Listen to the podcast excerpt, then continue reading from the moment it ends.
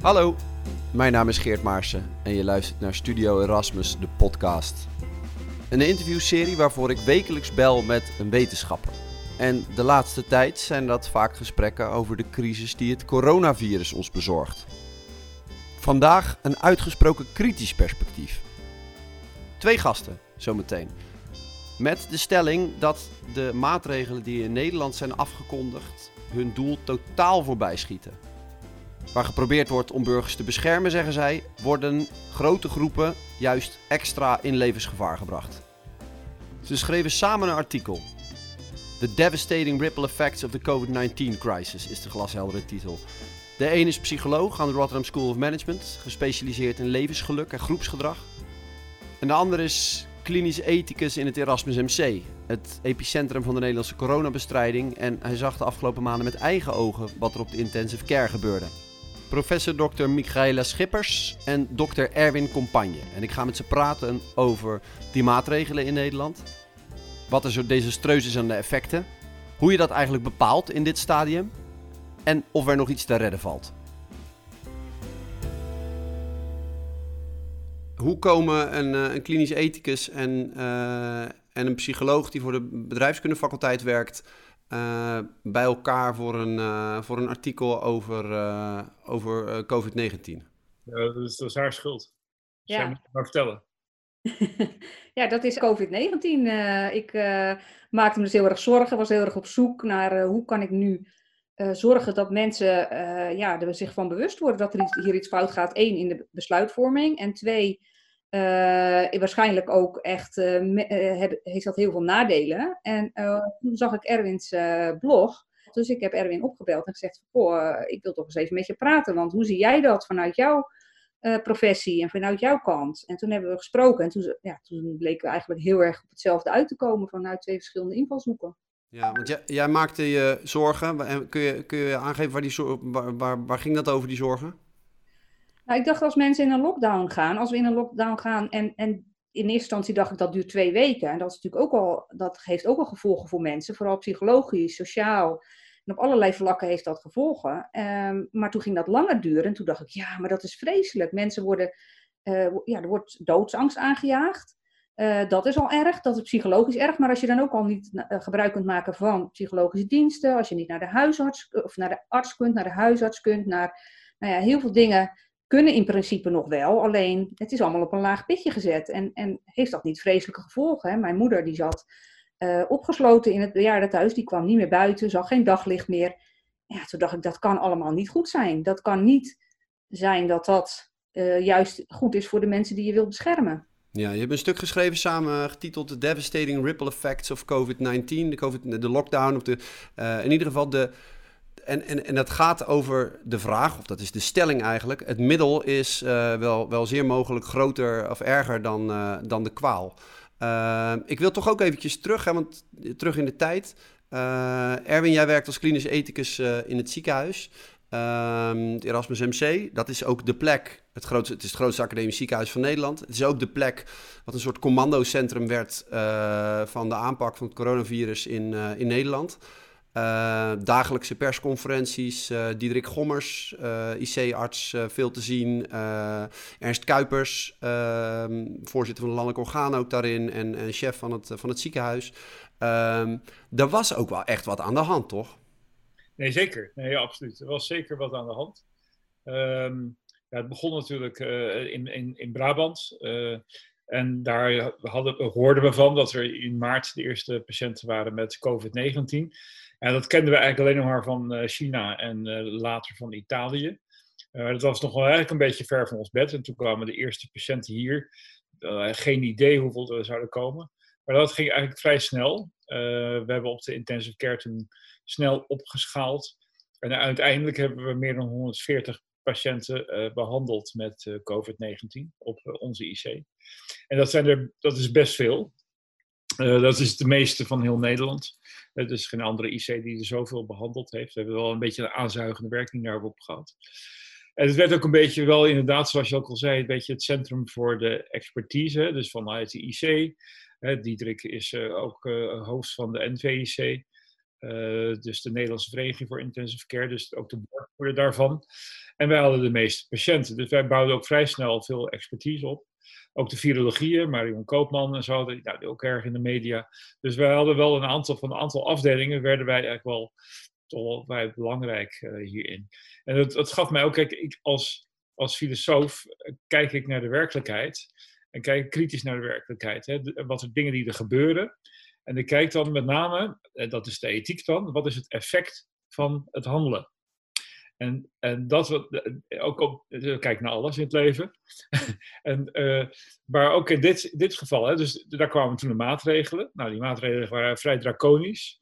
De lockdown, uh, de, de anderhalve meter uh, regels. Iedereen moest thuis zitten. En dat, in andere landen was het nog stringenter. En dan, dan kijk naar, ik kijk dan naar de, wat is de reden daarvoor geweest? Nou, dat is, het, dat is de toestroom van patiënten naar de zorg verminderen. Mm maar wat is dan uh, wat is het effect ervan? Nou, het effect was in eerste instantie, nou, het lijkt wel of we wat kunnen, de curve kunnen afvlakken. Maar dat is niet het enige. Hè? Dus dat noem je in de ethiek de doctrine van het dubbel effect. Of het principe van het dubbel effect. Als je een handeling doet, dan heeft dat vaak een goede en een slechte uitkomst. Uh, en, en, bijvoorbeeld, een, je geeft een medicijn, nou, dat heeft als goede effect die handeling is het medicijn geven. Het goede effect is dat die kwaal misschien waarvoor je het geeft minder is. Maar het heeft ook altijd bijwerkingen. En je moet dan een weging maken tussen de voor- en de nadelen. Dus de, de goede uitkomst en de slechte uitkomst. Zo kijk ik een beetje naar de werkelijkheid. En dus ik heb steeds gezocht vanaf het allereerste begin wat zijn de goede kanten. Maar ook wat zijn ook open ogen gehouden voor de nare bijwerkingen hiervan. Ja, ja. En dat werd mij uh, al vrij snel heel duidelijk. En, en daar, daar vonden wij elkaar in. Mm -hmm. uh, dat de, met name als die wel slechte uitkomt, dat dat toch wel heel indrukwekkend was. Ja. En, en ook in de weging van wat kunnen we, uh, kunnen we wel overzien hoeveel slechte uitkomsten we krijgen om het goede te bereiken. Ja, ja, ja. Dus in een ethische afweging zou je eigenlijk zeggen, ja, dat moet je continu wegen. Mm -hmm goede kant, de goede effecten, slechte effecten. En als we op een gegeven moment de slechte effecten gaan overheersen, dan moet je eigenlijk stoppen met de handeling. Mm -hmm. En dat idee daarachter. Of als, als de slechte gaan overheersen over het goede. Of je moet, of je moet iets anders verzinnen, dat is het idee. Maar dat, dit, was, dit was zo groot op een gegeven moment. Economische gevolgen, psychologische gevolgen, sociale gevolgen, uh, medische gevolgen. Dat werd op een gegeven moment niet meer te overzien. Mm -hmm. En, en je kon ook niet meer goed beoordelen van wat is nou de goede uitkomst, wat is nou de slechte, of het is het goede effect, het slechte effect. Maar goed, dat is toch wat jullie nu eigenlijk doen door dit paper te publiceren. Jullie zeggen, uh, de, de, het middel is erger dan de kwaal. Uh, er zijn dusdanig veel uh, negatieve neveneffecten dat we heel goed moeten gaan kijken naar ja, wat, wat we doen met die, met die maatregelen. Michaela, kun jij, kun jij aangeven wat het, uh, uh, wat het, de vraag die ik aan Erwin stelde, er was wel degelijk iets aan de hand. Uh, ik heb zelf ook uh, in, in, in de veronderstelling gezeten, heel even, dat we, dat we dagen of weken verwijderd waren van patiënten die op de gangen van ziekenhuizen moesten gaan behandeld gaan worden. Erwin, ik zie jou knikken. Daar, daar, daar, hoef je, daar hoefde je niet volslagen van de pot gerukt voor te zijn om dat nee, te denken, toch? Nee, maar je, we hadden in het ziekenhuis al vrij snel door dat dat niet ging gebeuren. Het, het, dat, je hebt, we zijn een, goed georganiseerd land wat dat betreft. We hadden voldoende capaciteit. En de capaciteit uh, krapper werd, werd ook duidelijk dat Duitsland nog, nog 2000 IC bij de leeg had staan. En, en daar was de curve ook, ook, al aan de top. Dus daar was voldoende ruimte. Dus ja, de uitwijkmodus, het scenario van de patiënten liggen allemaal op straat, dat is nooit... nooit maar ik heb wat moeite, ik heb, ik heb wat moeite met, met de, de, de stelling hier van uh, dat er helemaal niks aan de hand was. Nee, nee, hè? nee. Die stelling heb je ons niet horen zeggen, mij nee, niet. maar dat is... Dat, dat, de, de, de, ik, ik, ik, ik, ik heb het gevoel dat dat bij jou tussen de regels door zit, Michael, wat je net zei. En bij, bij Erwin, als hij zegt van, joh, uh, er was al wat aan de hand, maar we konden het prima, prima managen. Uh, maar Michaela, dat was de, de, de, de, kun je, dat, kun je, dat, kun je mijn, mijn zorg wegnemen? Nou, kijk, er was wat, degelijk wat aan de hand. En ik uh, zel, ging zelfs zover dat ik mijn zoontje heb geleerd, uh, die was toen nog vier, hij is nu net vijf geworden, ja. uh, geleerd om het alarmnummer te bellen. Want ik dacht, ik kan hem, als ik COVID krijg, kan ik niet. En ik had gelezen over een, een vrouw in Amerika die was doodgegaan aan COVID, terwijl haar zoontje van vier bij, twee nachten bij haar had gezeten. Ja, nou, ja. dat was een horror scenario voor mij. Dus ik had hem geleerd om uh, om het alarmnummer te bellen. Want ik dacht, hij kan dan niet naar de buren, want dan gaat hij de buren besmetten. Op dat moment was nog niet duidelijk of kinderen uh, anderen konden besmetten. Het was nog niet duidelijk uh, dat het eigenlijk om, ja, de gemiddelde leeftijd is 80 jaar. en hè, ik heb net ook gelezen dat jongere mensen hun kans om, het, om eraan te sterven met 500 keer overschatten. Door de, alle beelden die we voortdurend op ons afkrijgen. Dus er is iets aan de hand, ja. Maar wat ik enerzijds vond, en de reden dat ik dat artikel ben gaan schrijven, is aan de ene kant vond ik dat de bijwerkingen verschrikkelijk zijn. Er gaan 100 miljoen mensen sterven aan honger alleen al. En dan hebben we het nog niet over de mensen die gaan sterven aan omdat ze niet behandeld worden voor kanker, voor hartkwalen, voor hersenkralen, omdat al, alle uh, resources op COVID zijn gericht. Um, en toen vond ik ook nog eens twee artikelen die erop wezen dat het niet uitmaakte welke maatregelen je nam. Dat lichte en zware maatregelen tot dezelfde soort afvlakking van de, van het, uh, uh, van de curve leiden. Nou ja, die twee gegevens samen, het middel is veel te zwaar, is een paardenmiddel. dus met lichte maatregelen was je ook een heel eind gekomen waarschijnlijk. En het feit dat die zware middelen zo verschrikkelijk veel bijwerkingen hadden. Dus dacht ik, ja, nu moet ik iets gaan zeggen, want ik, ik kon daar niet meer van slapen. Ik dacht straks, straks, over een tijdje zien wij al die beelden en er wordt ons gevraagd geld te geven voor de mensen die sterven in ontwikkelingslanden. En dan hebben we eigenlijk geweten dat dat eraan zat te komen. We hebben het zelf veroorzaakt. Ja, want waar komt Dat- het cijfer van die 100 miljoen doden door honger vandaan? Dat is een artikel uh, geschreven door een collega in Luxemburg, uh, Dirk Zetje. Die heeft dat uh, berekend van doordat alles, veel supply chains stil liggen, zijn we hier voedsel aan het vliegen en komen ze daarom honger, heel gezegd. Het is natuurlijk iets ingewikkelder in elkaar, maar dat is wel waar het op neerkomt. Ja, oké. En want, uh, laten we even het systematisch langslopen. Jullie zeggen uh, in het artikel ook, er zijn een aantal van die grote negatieve uh, bijeffecten eigenlijk. En dat worden nu langzaam misschien de, de, de hoofdeffecten zijn het aan het worden. een financiële crisis waarin we terechtkomen. Ehm, maatschappelijke ongelijkheid die toeneemt. Maatschappelijke onrust die toeneemt. Ehm, mensen die hun geliefde niet meer kunnen zien in een, in een verpleegtehuis, niet meer konden zien in een verpleegtehuis.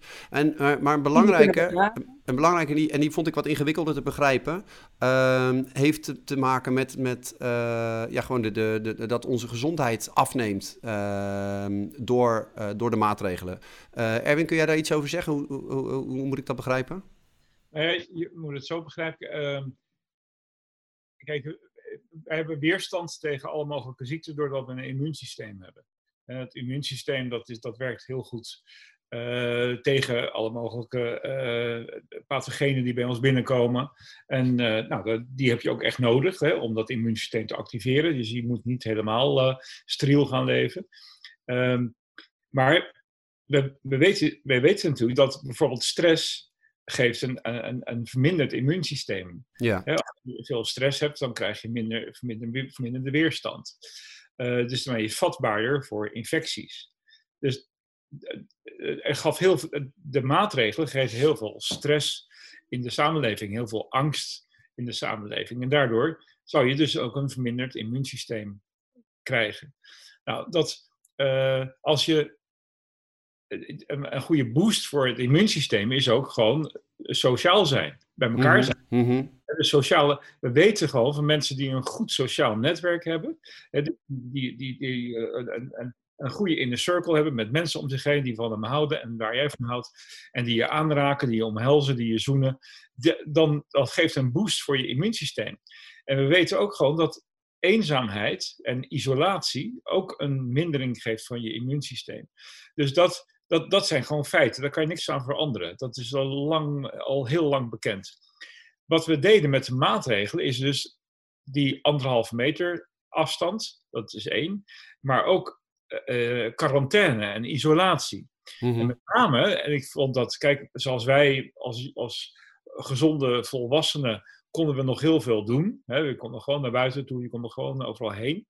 Uh, wel, nou, niet overal, maar wel, uh, je kon nog wel geliefden zien enzovoort. Maar wat wat echt heel ingewikkeld werd, en daar ben ik erg door getriggerd, was dat er toenemend berichten kwamen uit de verzorgingshuizen, uit de uh, verpleeghuizen en uit de hospices, dat familieleden daar niet mochten komen. Het is mij nooit echt heel duidelijk geweest wat nou de reden daarvan was. Was het om, om overlijdens bij hun te voorkomen? Of was dat om de verspreiding van het virus in te dammen? Die, welke van twee het is geweest, weet ik Maar dat is toch tweeledig, lijkt mij. Dus de verspreiding van het virus indammen en tegelijkertijd... En we hebben toch, we hebben, er zijn toch ook verpleeghuizen of verzorgingsthuizen geweest... waar, waar, waar heel veel patiënten besmet raakten ineens. En, maar dat en... weten we ook, hè? Dus nog even terug naar het immuunsysteem. Ja. Nou, als je jong bent, heb je een goed functionerend immuunsysteem. Naarmate je ouder wordt, gaat dat steeds minder goed functioneren. Dat, dat, dat, dan krijg je steeds meer, uh, gaat het haperen. Dat is ook de reden waarom mensen uh, op hoge leeftijd veel kwetsbaarder zijn voor het krijgen van allerlei ziektes. Ja. Dus, dus dat maakt niet alleen infectieziektes, maar ook bijvoorbeeld hart- en vaatziektes of, of uh, andere narigheid. Die, daar ben je veel vatbaarder voor, omdat je immuunsysteem faalt. Nou, dat is één. Dus die oudere mensen, die zijn we, daar, daarom is het ook dat het grootste deel van de mensen die overleden zijn, zijn er allemaal mensen die ouder waren dan 70 tot 80 jaar. Ja, jij hebt de cijfers op een gegeven moment ook op een rijtje gezet, hè, van die ja. ruim 6000 doden. Uh, hoe, hoe, uh, heb je dat nog een beetje helder? Ja, van die 6000 doden waren er uh, 500 die onder de 40 jaar waren. Nou, en, en, en, van die 500, dat, dat zijn mensen die opgenomen zijn geweest met COVID-19 in een ziekenhuis. Van die 500 zijn er in totaal onder de 40 jaar, zijn er 15 overleden. Dus van alle overlijdens is dat, is dat, is dat 0,2 procent. Dat is heel weinig. In de, als je dat extrapoleert naar de, naar de bevolking, hè, 17 miljoen inwoners, da, daarvan is ongeveer uh, 46 procent zijn mensen onder de 40 jaar. Dat is onze populatie. Dan, dan praat je dus over 500 opnames van de, van de helft van de populatie ongeveer, die in een ziekenhuis zijn opgenomen met deze ziekte. En daarvan zijn er 15 overleden. Dan zit je in de 0,0001% van in de leeftijdsgroep van het risico op overlijden. Dat is, ja. dat is, dat is bijna statistisch verwaarloosbaar. En dat komt ook gewoon omdat jonge mensen hebben gewoon een goed functionerend immuunsysteem. En de ouderen hebben dat niet, minder goed. Dus daarom is het logisch. We zien dat ook elk jaar. Elk jaar in het najaar krijg je weer dat er, uh, dat de griep heerst.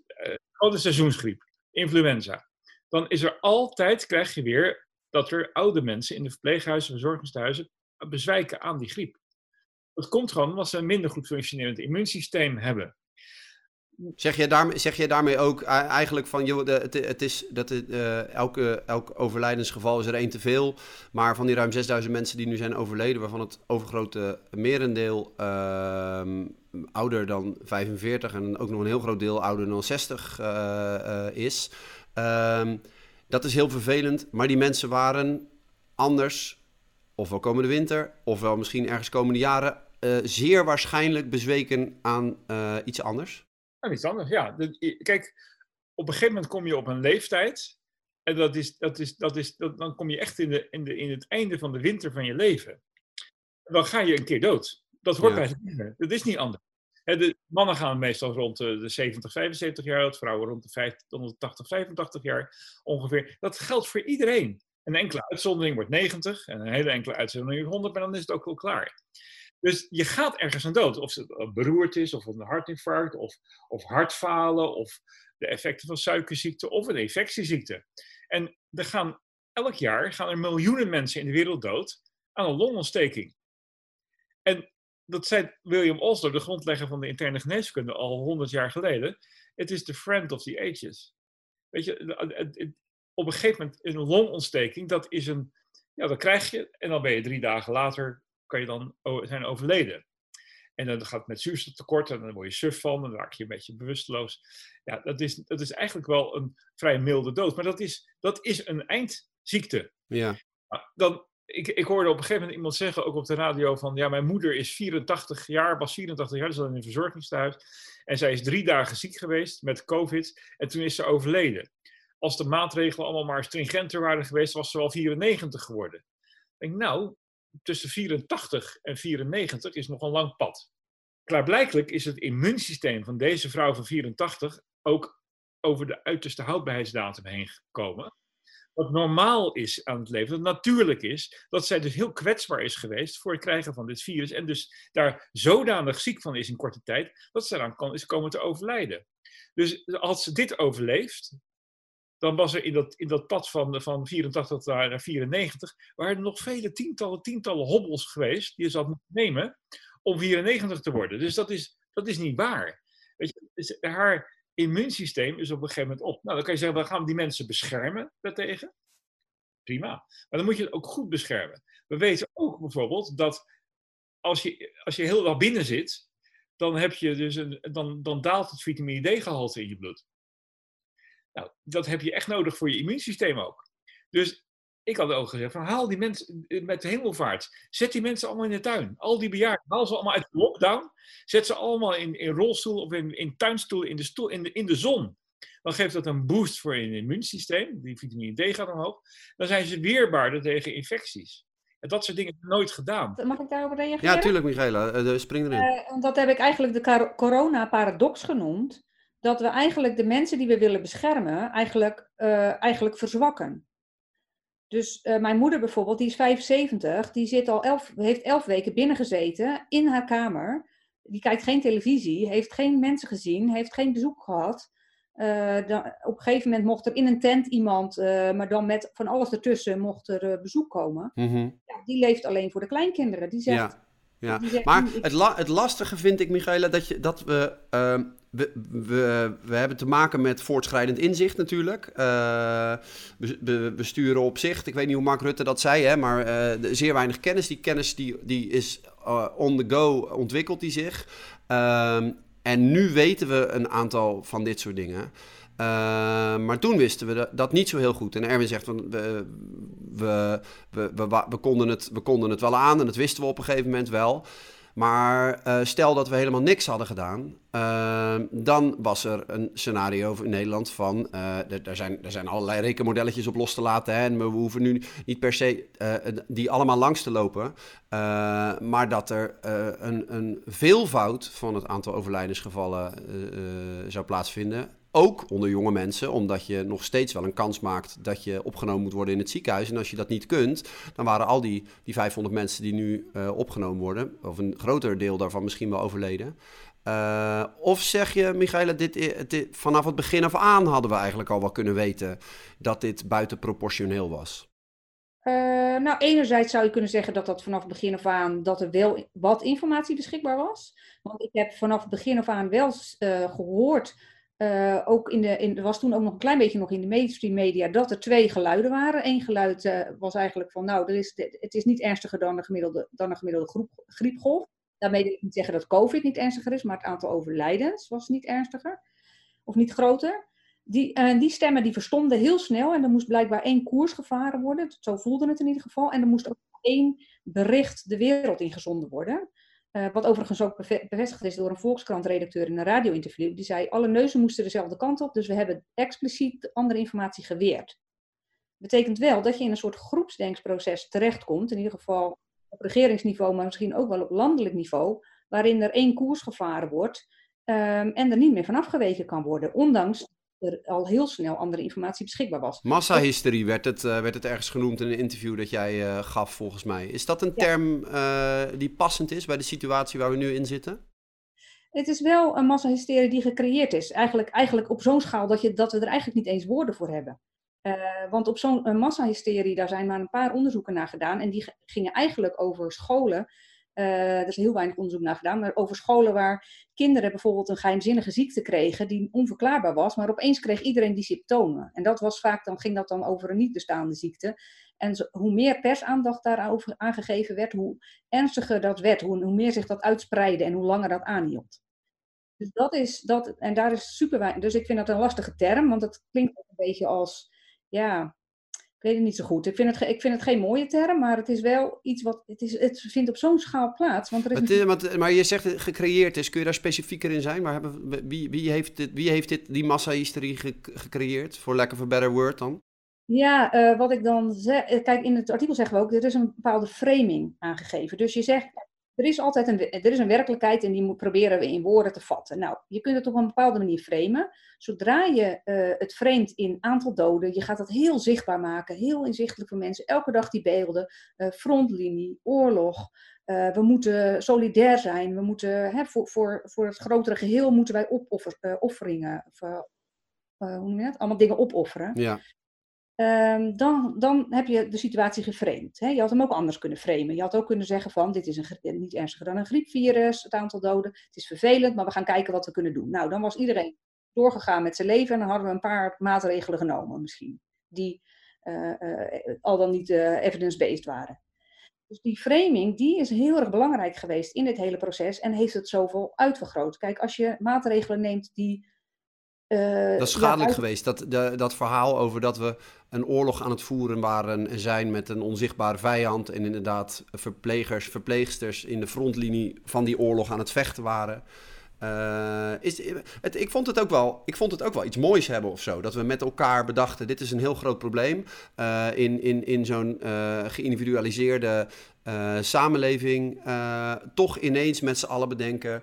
We, we, gaan dit, we gaan dit proberen te regelen. Hadden jullie dat niet? Uh, nou, enerzijds denk ik, het is prachtig. Kijk, het mooie van de mensheid vind ik dat ze uh, veel opofferingen willen en durven brengen voor het grotere geheel. Dat mm-hmm. vind ik echt schitterend.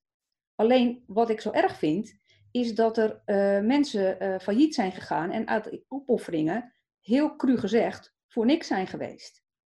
Het probleem is nu dat mensen dat niet willen horen. Als ik tegen mensen zeg van ja, sorry, maar dat, hebben, eh, dat is echt voor niks geweest. Of, of in ieder geval, veel van die maatregelen hebben zo, zo ernstige bijwerkingen, maar het heeft ook niet eens geholpen. Ja, dat willen mhm. mensen niet horen. Dus dan krijg je cognitieve dissonantie. Ik heb al die opofferingen gebracht, dus dat moet wel voor het grotere goed zijn geweest. Dus Michaela, hou alsjeblieft je mond, dit wil ik niet mhm. horen. Mm -hmm. letterlijk mensen die zeggen, wil je me dit soort links niet sturen? Ik wil het niet weten. Ja, dat, uh, het krijgt ook veel verdeeldheid in de samenleving. Toen, toen het net, uh, uh, zeg maar, die maatregelen er waren, in sommige landen mocht, moest je binnenblijven en dan gingen mensen wielrennen. En dat waren topsporters, die kun je niet binnenhouden, zeg maar. Ja. En die werden van de weg gereden. Maar het lastige, het lastige vind ik dat, dat ik, ik proef bij jou een beetje... kijk, je, je zou ook met een zekere mildheid kunnen zeggen... Ehm, we dachten dat er uh, ons iets heel ergs te wachten stond. Uh, waar potentieel heel veel mensen heel erg ziek aan zouden worden, van zouden worden uh, en, en zouden overlijden. Uh, we hebben ons best gedaan om met de kennis die we toen hadden de beste maatregelen te treffen. Achteraf moeten we constateren dat we daar misschien op een aantal fronten wat te stevig op hebben ingezet. Of dat we sommige dingen niet verkeerd hebben, of niet goed hebben, hebben ingeschat of hebben gezien. Uh, maar ja, zwaar, we hebben dat met de beste bedoeling gedaan. En ik proef bij jou toch een beetje alsof daar een soort. Uh, alsof er een, een, motief aan ten grondslag heeft gelegen om dat op deze manier te doen. Nee, absoluut niet. Kijk, okay. het probleem is, groepsdenken kun, kan namelijk optreden. Ik heb ook het, in een ander interview het voorbeeld van Motorola genoemd, waarbij ze echt bezig waren een mobiele telefoon te ontwikkelen. Kostte uh, 3,1 miljard dollar. Uh, uiteindelijk. En dat heeft nooit wat opgeleverd. Nou, ze zaten heus niet met een agenda van ik ga dit doen. Maar er zaten wel, uh, uh, ja, er was een heel groepsdenkproces aan de gang. Waardoor ze steeds maar weer geld daarin bleven pompen. En op diezelfde koers bleven doorgaan. Dus dat is psychologisch volledig verklaarbaar zonder slechte bedoelingen. Ja. Ik ga ook niet uit van slechte bedoelingen. Alleen je kunt met de beste bedoelingen kun je hele slechte besluiten nemen. Ja, ja. Um Erwin, um, vind jij... En, één ding nog wil ik nog zeggen, want jij ja? praat alsof het al voorbij is. Maar er is dus een noodwet in de maak die al die maatregelen in de wet gaat vastleggen. Waardoor we per definitie, dit, uh, of eigenlijk per saldo, de, de democratie opschorten tot nader order, totdat er ooit uh, een vaccin of wat dan ook is uh, wat dit tegengaat. En daar ja. ben ik heel bezorgd over. Want ik denk, nu zijn we via democratische weg bezig om de democratie af te schaffen. Ja. Dat is niet niets, hè? Is dat jouw vrees ook, Erwin? Ja, ik weet het niet. Dat kan ik niet, dat kan ik niet goed inschatten. Nee. Jij bent wat dat betreft minder op de barricade dan Michaela, begrijp ik dat goed? ja, ik ben minder van de barricade. Ik ben meer van het uh, observeren en, uh, en beschouwen. Maar waar, gaan jullie, waar scheiden jullie wegen? Waar, waar, tot, tot waar delen jullie? Je, bedoel, jullie delen de diagnose wel, uh, toch? Of van, van we, we, zijn uit de bocht gevlogen in, in een manier om dit, om dit aan te pakken? Nee, er zijn bepaalde. kijk, ik heb dat gisteren ook gezegd bij een voordracht, we moeten hiervan leren. Je moet hiervan leren in de zin van, wat, wat, wat zijn de effecten geweest van, de, van de maatregelen die we genomen hebben? En je moet die effecten moet je op waarde beoordelen. Je moet zeggen, nou, dit is toch al een heel groot offer wat we gebracht hebben ten opzichte van de opbrengst. En dus je zal daar ook misschien best wel gewoon heel drastisch moeten zijn van ja, klaarblijkelijk. Kijk, als we nu zeggen van nou 0,001% van de, uh, uh, de, de, leeftijdspopulatie, dus de helft van Nederland, is hier aan deze, aan deze virus bezweken. Nou, dat kan best wel eens wat hoger zijn. Ja. Je zou dat willen zeggen van misschien moeten we accepteren dat er meer mensen uh, toch overlijden aan deze ziekte, om aan de andere kant de schade bij anderen te voorkomen. Want je, je, kan, je kan niet zeggen we gaan, we gaan uh, heel veel schade berokkenen om de schade in een één bepaalde groep van de samenleving zo klein mogelijk te houden dat, kan niet natuurlijk. Hè. Dat, dat, dat, is eigenlijk dat is heel raar als je dat. En wat, zouden, we, wat zouden we nou moeten leren van. Want hè, ik zei net, ik vond het iets moois hebben. Ineens die daadkracht. Uh, en, en ook de. Uh, bedoel, ik ben uh, enthousiasteling over de wetenschap en de manier waarop, waarop de wetenschap ineens en, en, de beperkte wetenschappelijke kennis ook gebruikt werd als leidend in de besluitvorming. Ehm, je zou, kijk, als je, dit, als je, de, als je de democratie eh, volledig zijn gang had laten gaan, uh, in ieder geval zoals we die in Nederland uh, hebben, die parlementaire democratie, dan waren er een paar commissies ingesteld, een paar rapporten geschreven van tevoren. En, en tegen de tijd dat daar een besluit was genomen, uh, ja, had dat virus misschien al wel veel meer schade aangericht dan het nu heeft gedaan. Ik, ik, ik heb nu, we kennen dit virus niet. We hebben vreselijke beelden uit China en uit Italië en uit Spanje en Frankrijk. Dus we konden niet anders dan gewoon hier zeggen, nou we gaan echt in een lockdown, dan gelukkig een intelligente lockdown, er komt nog heel wat bewegingsruimte hebben. Maar dan op een gegeven moment, dan zie je de effecten daarvan. En, maar wordt het ook duidelijk wat het virus in ons land doet.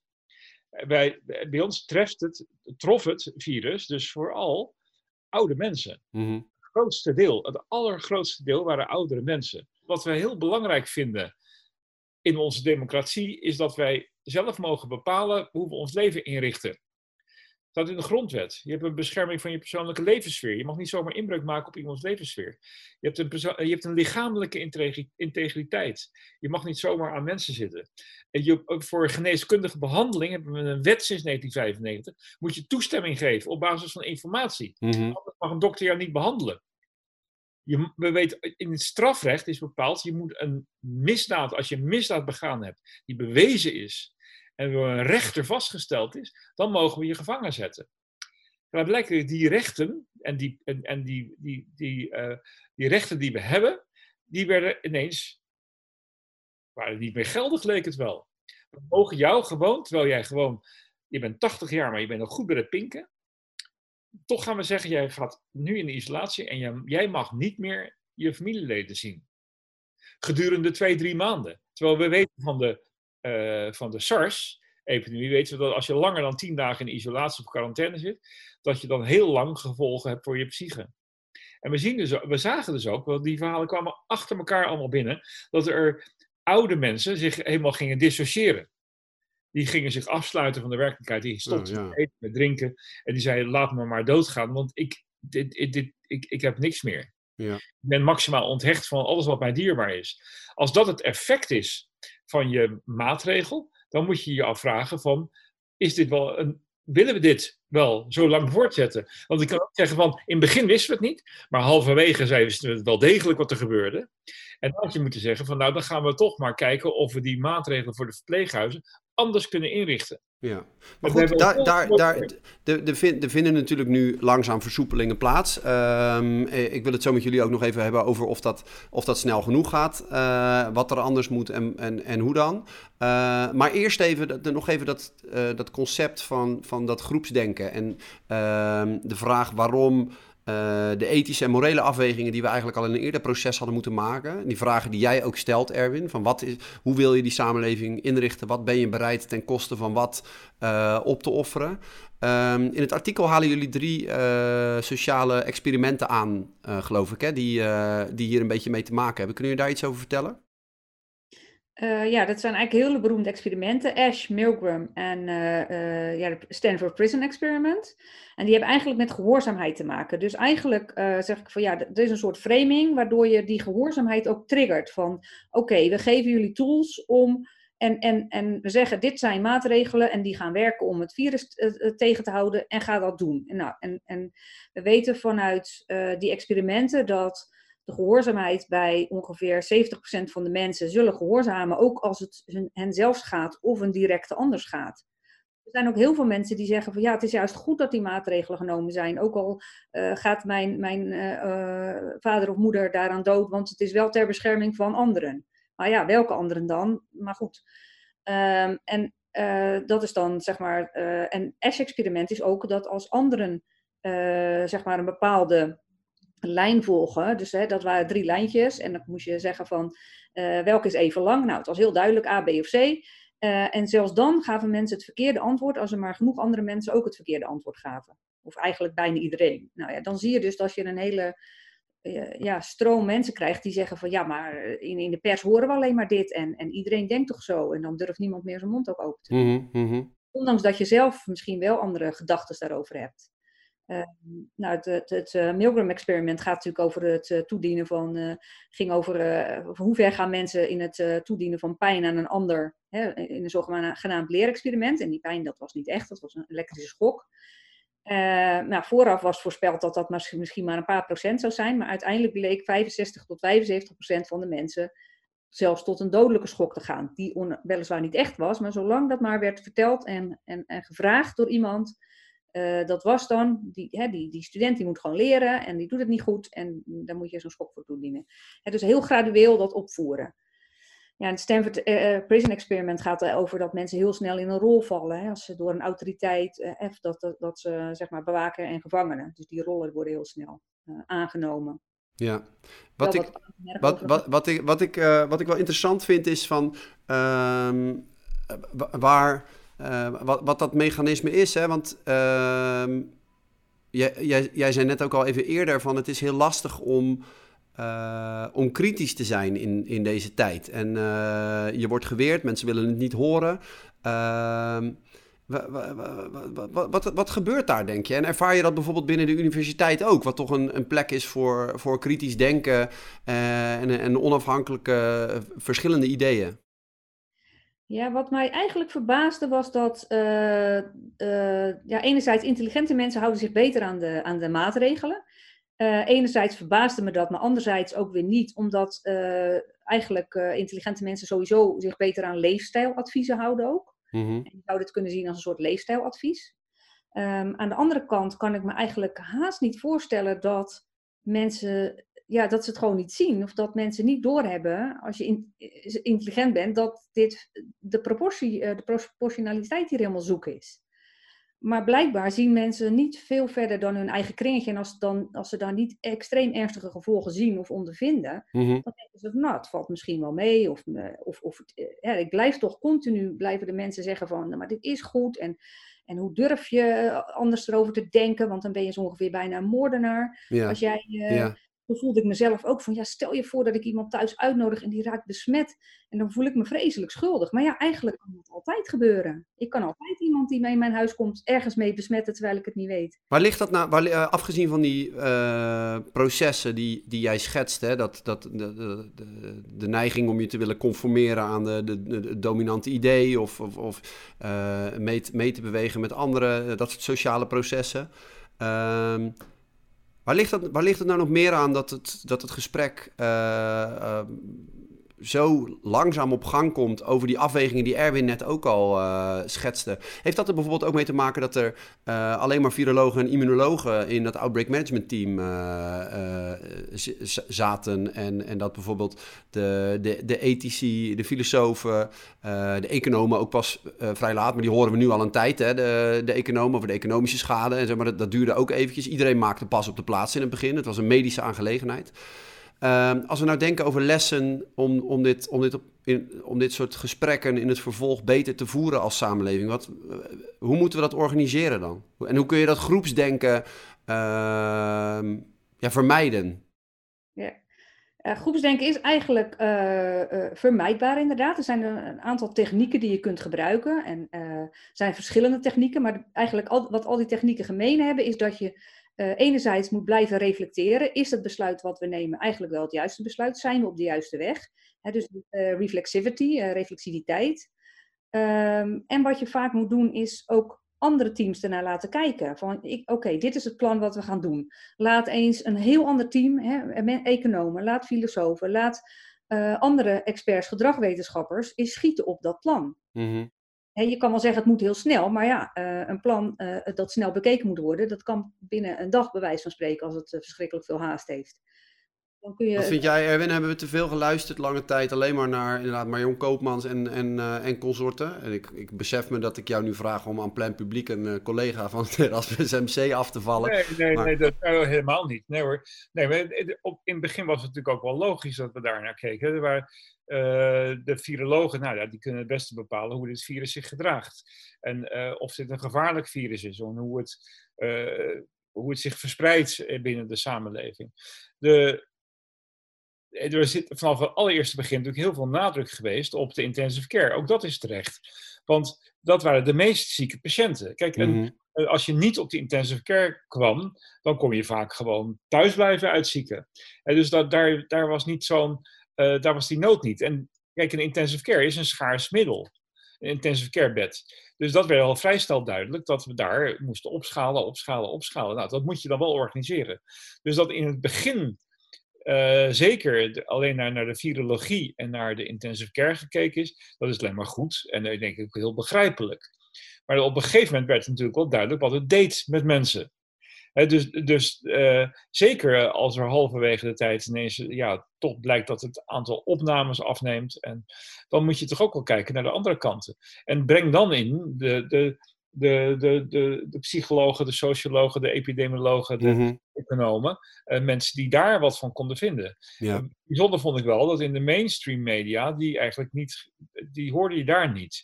En er kwam in de betere social media, uh, de Nieuwe Wereld, Weltsmerts, een aantal van dat soort podia, daar kwamen ineens hele intelligente mensen economen, filosofen, uh, psychologen, uh, psychiaters, die daar wat wel kwamen melden. Ja, en, dat, en Michaela Schippers inderdaad uh, als gast dat, bij Café Weltsmerts. ja, die, die zijn even waardevol als de, de virologen en de, en de, en ja. de, de, de, medische kant. Ja, Daarin... en, en, wie, en wie heeft daar, wie, wie, is, wie, wie, heeft hier nou, wie heeft hier verzaakt? Nee, ik denk dat, ik denk dat eh, eh, heel veel schade is berokkend door de media. Ik denk toch wel. Kijk, ook de media had flatten the curve moeten doen.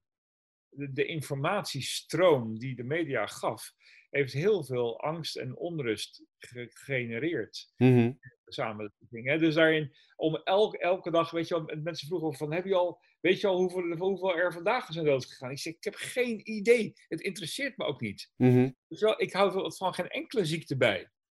Het is toch vreselijk dat jonge mensen hun kans om te overlijden als ze COVID krijgen 500 keer hoger inschatten dan de werkelijkheid. Ja. 500 keer, dat is niet niks hoor. Maar vind jij, Michaela, vind jij ook de, de media hier de, de, de, de meest verwijtbare partij?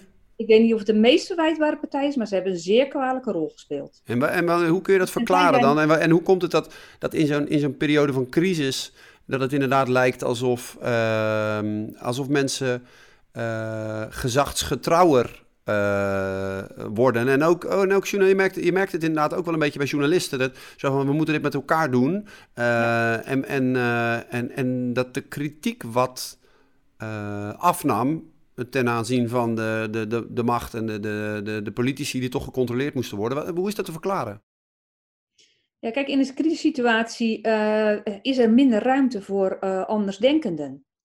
Want dan moet er een richting gekozen worden, er wordt een koers gekozen. Nou, die koers gaan we varen. Ja, dan is het heel vervelend als mensen gaan roepen: is dit wel de juiste weg? En vooral als er bijvoorbeeld tijdsdruk is. Hè, er zijn in de sociale psychologie hele mooie experimenten gedaan. Waarin de tijdsdruk, uh, er was een crisis, dan worden anders denkenden al zo ongeveer weggedrukt. Mhm. Maar als, je dan ook nog eens, uh, als er dan ook nog eens tijdsdruk komt, nou dan, dan, dan richt al die energie zich op die dissidenten van hoe durf je dit uh, te bedden te brengen. Dat, ja, zo werkt het. En kijk, en in een crisissituatie, zeg maar in de oertijd, is het ook heel verklaarbaar. Dan is het vechten of vluchten. En dan uh, kiezen we met z'n allen een koers. En als dan iemand zegt, hé, hey, dat moeten we niet doen, dan is dat onhandig. Dus er, is, er, zitten ook functionele aspecten aan. Alleen, ik denk dat wij die uh, normaal gesproken functionele aspecten totaal functioneel, uh, dysfunctioneel zijn geworden. Ja. En, en, ik wil wel heel kort ingaan op, jij zegt op de barricaden. Ik wil benadrukken dat ik zondag voor het eerst in mijn leven naar een demonstratie ga. Ik heb nog nooit ergens tegen gedemonstreerd. En ik word dit jaar 50 nog nooit ergens, uh, ik heb nog nooit een brief geschreven naar minister Rutte. Uh, ik doe allemaal dingen die ik nog nooit eerder in mijn leven heb gedaan. Dus dat is niet dat ik denk, ik ga ook liever door met mijn leven en lekker papers schrijven, want het kost me verschrikkelijk veel tijd, lijkt wel of ik er een fulltime baan bij heb gekregen. Alleen, ja, ik denk voor mijn zoontje, straks is er geen maatschappij voor hem meer om naar terug te keren. Straks leven we in een ja, soort politiestaat bijna. Als dit... Is dat echt wat je denkt? Ja, ik weet niet of je die wet gelezen hebt, maar die gaat dus voor onbepaalde tijd alle burgerlijke vrijheden opschorten. Ja, Erwin, maak jij net zoveel zorgen over het, uh, de aanstaande politiestaat die Michaela hier voor zich ziet? Nou ja, ik, ik, ik zie, ik, wederom, hè, ik observeer en ik kijk wat de effecten zijn van hetgeen wat er gebeurt. En uh, een van de belangrijke regels in die, in die COVID-wet is, is die anderhalve meter uh, samenleving die gecreëerd wordt. En ik zie daar gewoon de negatieve kanten van. Ja. De, voor, de, voor normale psychosociale ontwikkeling van mensen, met name jonge mensen. Kijk, ik heb een zoon van 21, die gaat zijn gang wel, weet je, die weet, die weet ook wel hoe het was. Maar waar ik me meer zorgen over maak, is kleine kinderen die uh, anderhalve metertje aan het spelen zijn. Ja.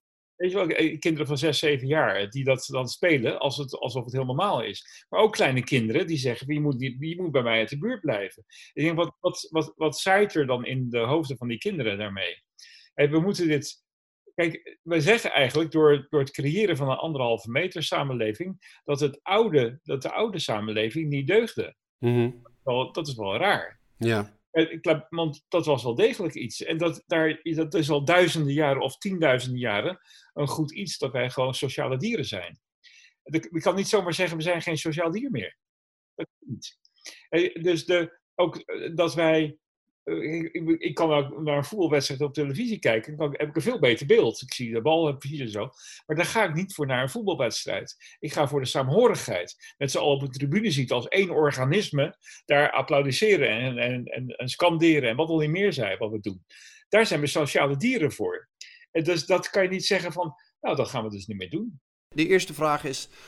Uh, wat we nu moeten leren van, van wat er gebeurd is en vooral wat we nu moeten gaan doen. Wat jullie voorstel is. Hè? Wat, wat moet er dan nu anders? En ik denk dat jij, Michele, daar al hele uh, duidelijke, concrete ideeën over hebt. Gezien het feit dat je letterlijk um, de barricade opgaat, ook, ook nu. Um, en de tweede vraag heeft te maken met um, wat jullie al eerder aanstipten: dat kritisch denken in deze periode.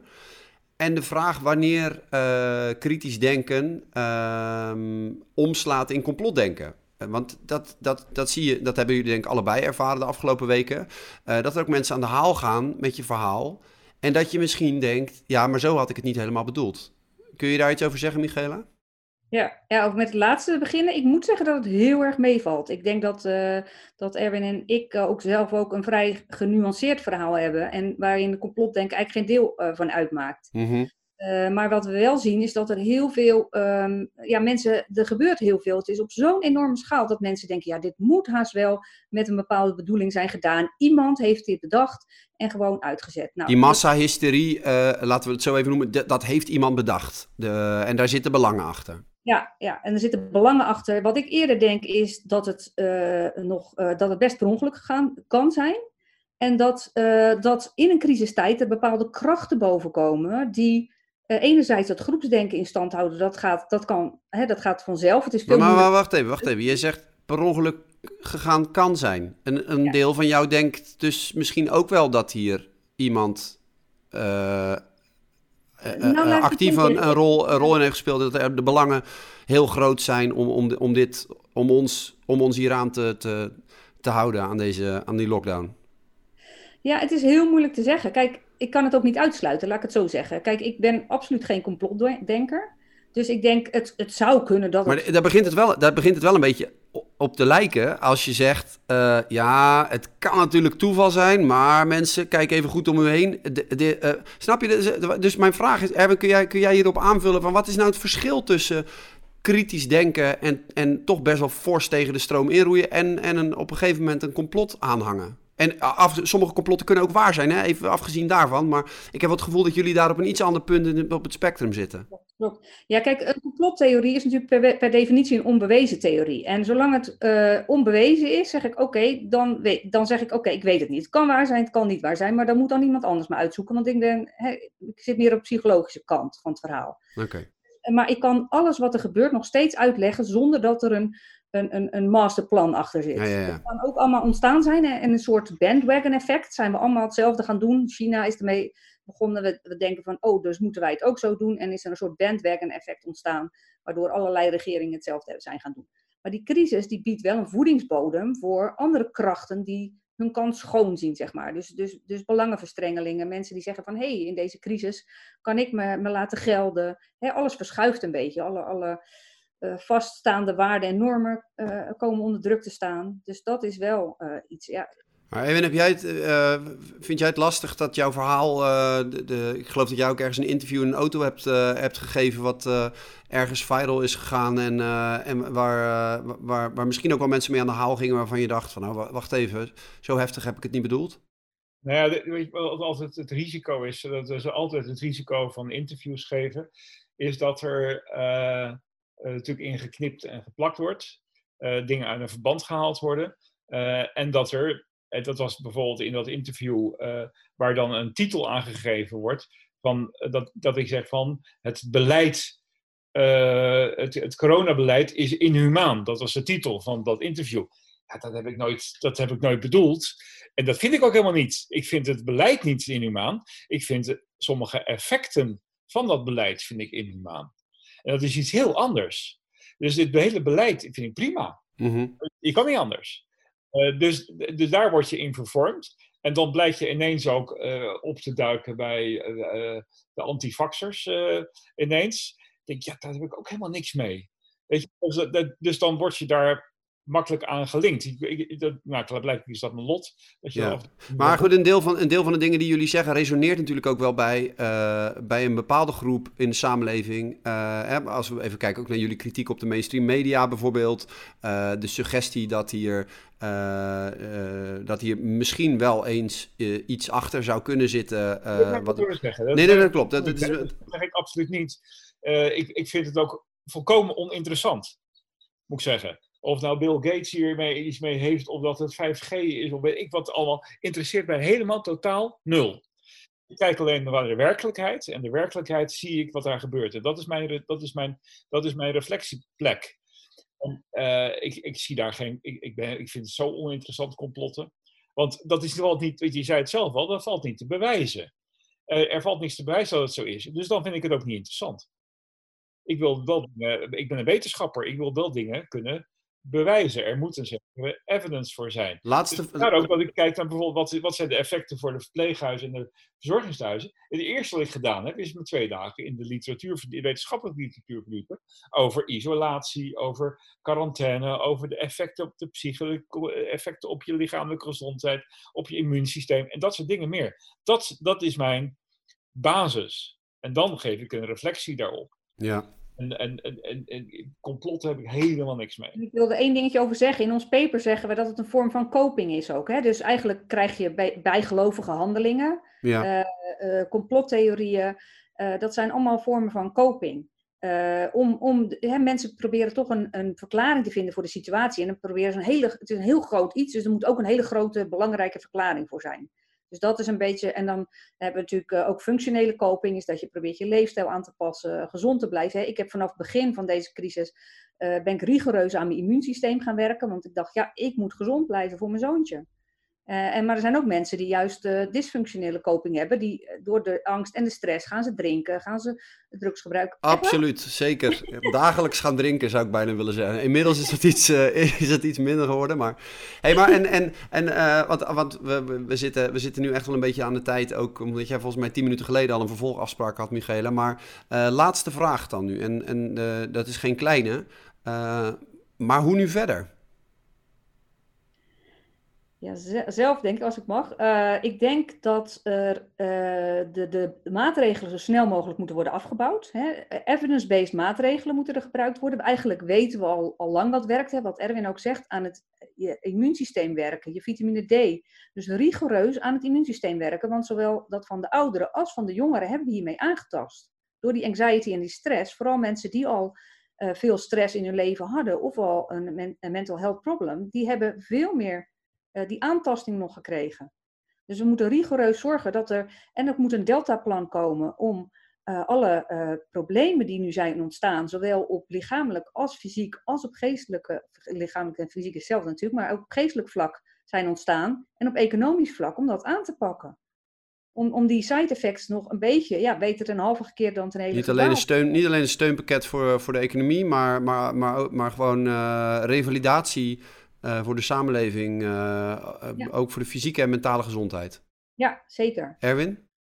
Nou ja, wat, kijk, we, we zijn nu in hele, een heel land, of een hele wereld, zijn we solidair met een, een, een deel van de samenleving, hè, een deel van de burgers die dus ziek worden en kunnen worden daarvan.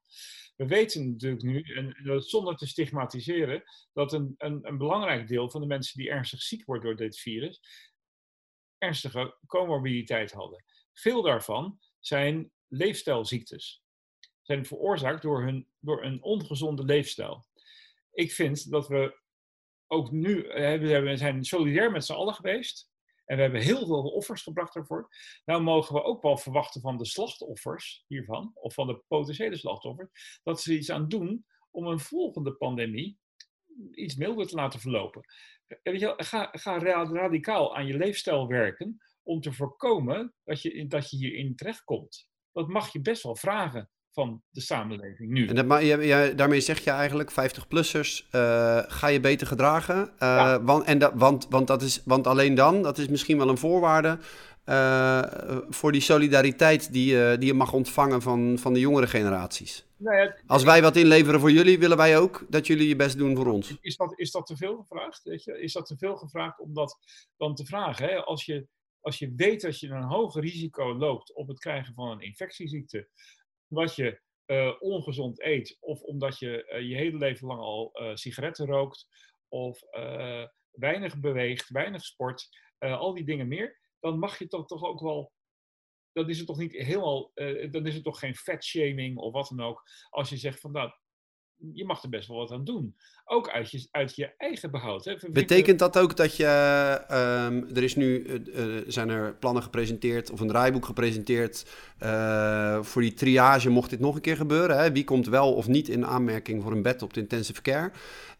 De enige harde keuze die daar eigenlijk gemaakt is om mensen in te delen in groepen. Dus iemand die nog veel levensjaren voor de boeg heeft, maakt een grotere kans op iemand die dat minder heeft. Um, even afgezien van de tijd dat iemand op de IC moet liggen, hè, dat, is ook, dat speelt ook nog mee. Maar zou jij daar, gezien wat je net zei, uh, aan toevoegen, wel degelijk uh, ook een verschil maken uh, in, in of iemand schuld heeft aan het feit dat hij ziek is geworden? Het, is het fair innings argument hè, wat in dat draaiboek is opgenomen. Fair inning wil zeggen, nou je hebt een, een als je 70 bent, dan heb je heel lekker wat levensjaren kunnen genieten van het leven. En als je 20 bent, niet. Nou, laten we zeggen, ik, ik ben heel erg bewust met mijn gezondheid bezig. Ik ben een diehard veganist. Ik rook niet, ik drink niet, ik beweeg regelmatig en ik ben gezond. Als, als, als we in een scenario komen met een fair inning, ik ben nu 61 en er is een dertiger die al 15 jaar lang uh, gerookt heeft, daar eh, COPD heeft ont ontwikkeld, die uh, eh, 125 kilo weegt, diabetes heeft, dan gaat hij op de IC en ik niet. Is dat fair inning?